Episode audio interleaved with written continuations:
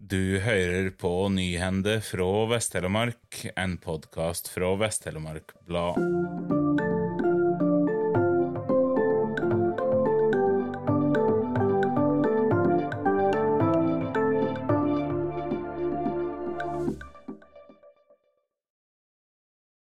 Sykehjemmene i vestfylket er stuv fulle. Resten av pasientene som ikke er i stand til å ta ansvar for egen helse, må hjemmesykepleia ta seg av.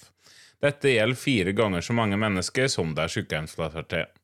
Hjemmesykepleia gir pleie og omsorg til syke og funksjonshemma i egen heim. Slik reduseres behovet for en sykehjemsplass, står det å lese på hjemmesidene til kommunene. Totalt finnes det 155 sykehjemsplasser i de seks Vest-Telemark-kommunene, medan 608 pasienter fra hjemmesykepleie viser tall som Vest-Telemark Blad har henta inn. I motsetning til sykehjemmer som bare kan ta hånd om et visst tall pasienter, er det ingen grenser for hvor mange hjemmesykepleiere kan ta seg av. Kommunen har ikke institusjonsplasser til alle som trenger det. Hvis en ikke kan få en som er alvorlig syk innlagt på sykehjem eller lignende, må vi yte de tjenestene som trengs, og heimetjenester blir aldri full, påpeker Mone Haugen, avdelingsleder på koordinering og tildeling av helse- og omsorgstjenester i Vinje. Nella Krøse og Bart Scholten søkte om fritak fra buplikt på det gamle bedehuset i Fjogesund. Det får de ikke.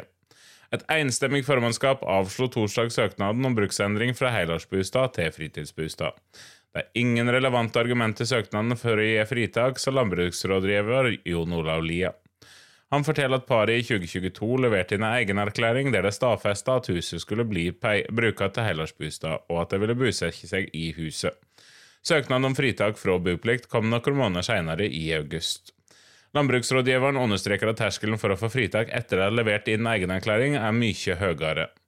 Flere av politikerne i Kviteseid ytra støtte til ekteparet, men sa at på prinsipielt grunnlag kunne de ikke gå imot det de tidligere hadde vedtatt angående boplikt i bygda.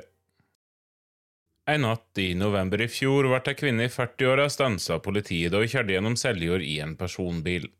Politiet skal ikke ha reagert på kjøringa, men hun ble stansa i en kontroll. Ifølge politiet skal hun virke apatisk og likegyldig, og var tatt med til legevakt for å ta blodprøver. Blodprøvene viste at hun var påvirka av amfetamin, alprosolam og buprenorfin, tilsvarende ei alkoholpromille på over 0,5.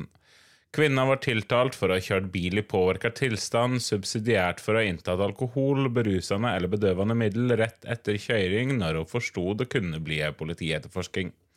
Da kvinna møtte i Telemark tingrett i august, nekta hun straffskyld på det første punktet, men erkjente straffskyld for å ha tatt berusende eller bedøvende middel, selv om hun visste politiet ville kontrollere henne. Kvinna bor på Vestlandet, og i retten forklarte hun at på eg hjem igjen da hadde vært i Oslo for å babyshoppe. Hun var gravid på dette tidspunktet. I retten fortalte hun at hun ikke hadde tatt noe rusmiddel før hun ble stansa av politiet. Men da ble stansa, kom hun til å tenke på to tabletter som hun hadde i veska. For å skjule disse svelga hun dem før politiet kom bort til bilen. Tablettene var pakka inn i plast, og kvinnen sa hun håpa at tablettene ville gå gjennom kroppen uten å påvirke henne. Hun lot derfor være å fortelle om inntaket fram til det var lagt fram en sakkyndig toksikologirapport under avhør noen måneder etter kjøreturen. Rapporten konstaterer at konsentrasjonen av amfetamin og alprosalam var høyere enn lovlig verdi og minst tilsvarer alkoholpromille på 0,5.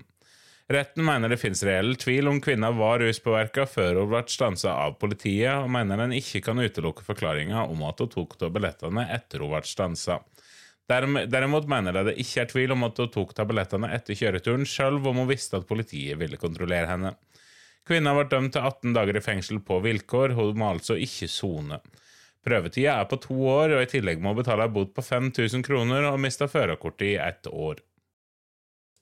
Nissedal Senterparti setter satsing på barn og unge høyt i kommende fireårsperiode. Partiet lover annet minst dobling av potten til kulturmidler. Vi prioriterer kulturskolen og garanterer at frivilligsentralen i kommunen skal holde fram. Ian Perry Jones, ordførerkandidat til Nisdal Senterparti ved høstens kommunestyrevalg, mener tida er inne til en stor øke i kultur- og prosjektmidler. Årets sum som formannskapet delte ut på dette feltet, var på 125 000 kroner. Jeg vil øke summen fra 90 til 200 kroner per innbygger i kommunen, dvs. Si nesten 300 000 kroner i kultur- og prosjektmidler totalt, sier ordførerkandidaten til Vest-Telemark Blad. Tusen takk for at du hørte på.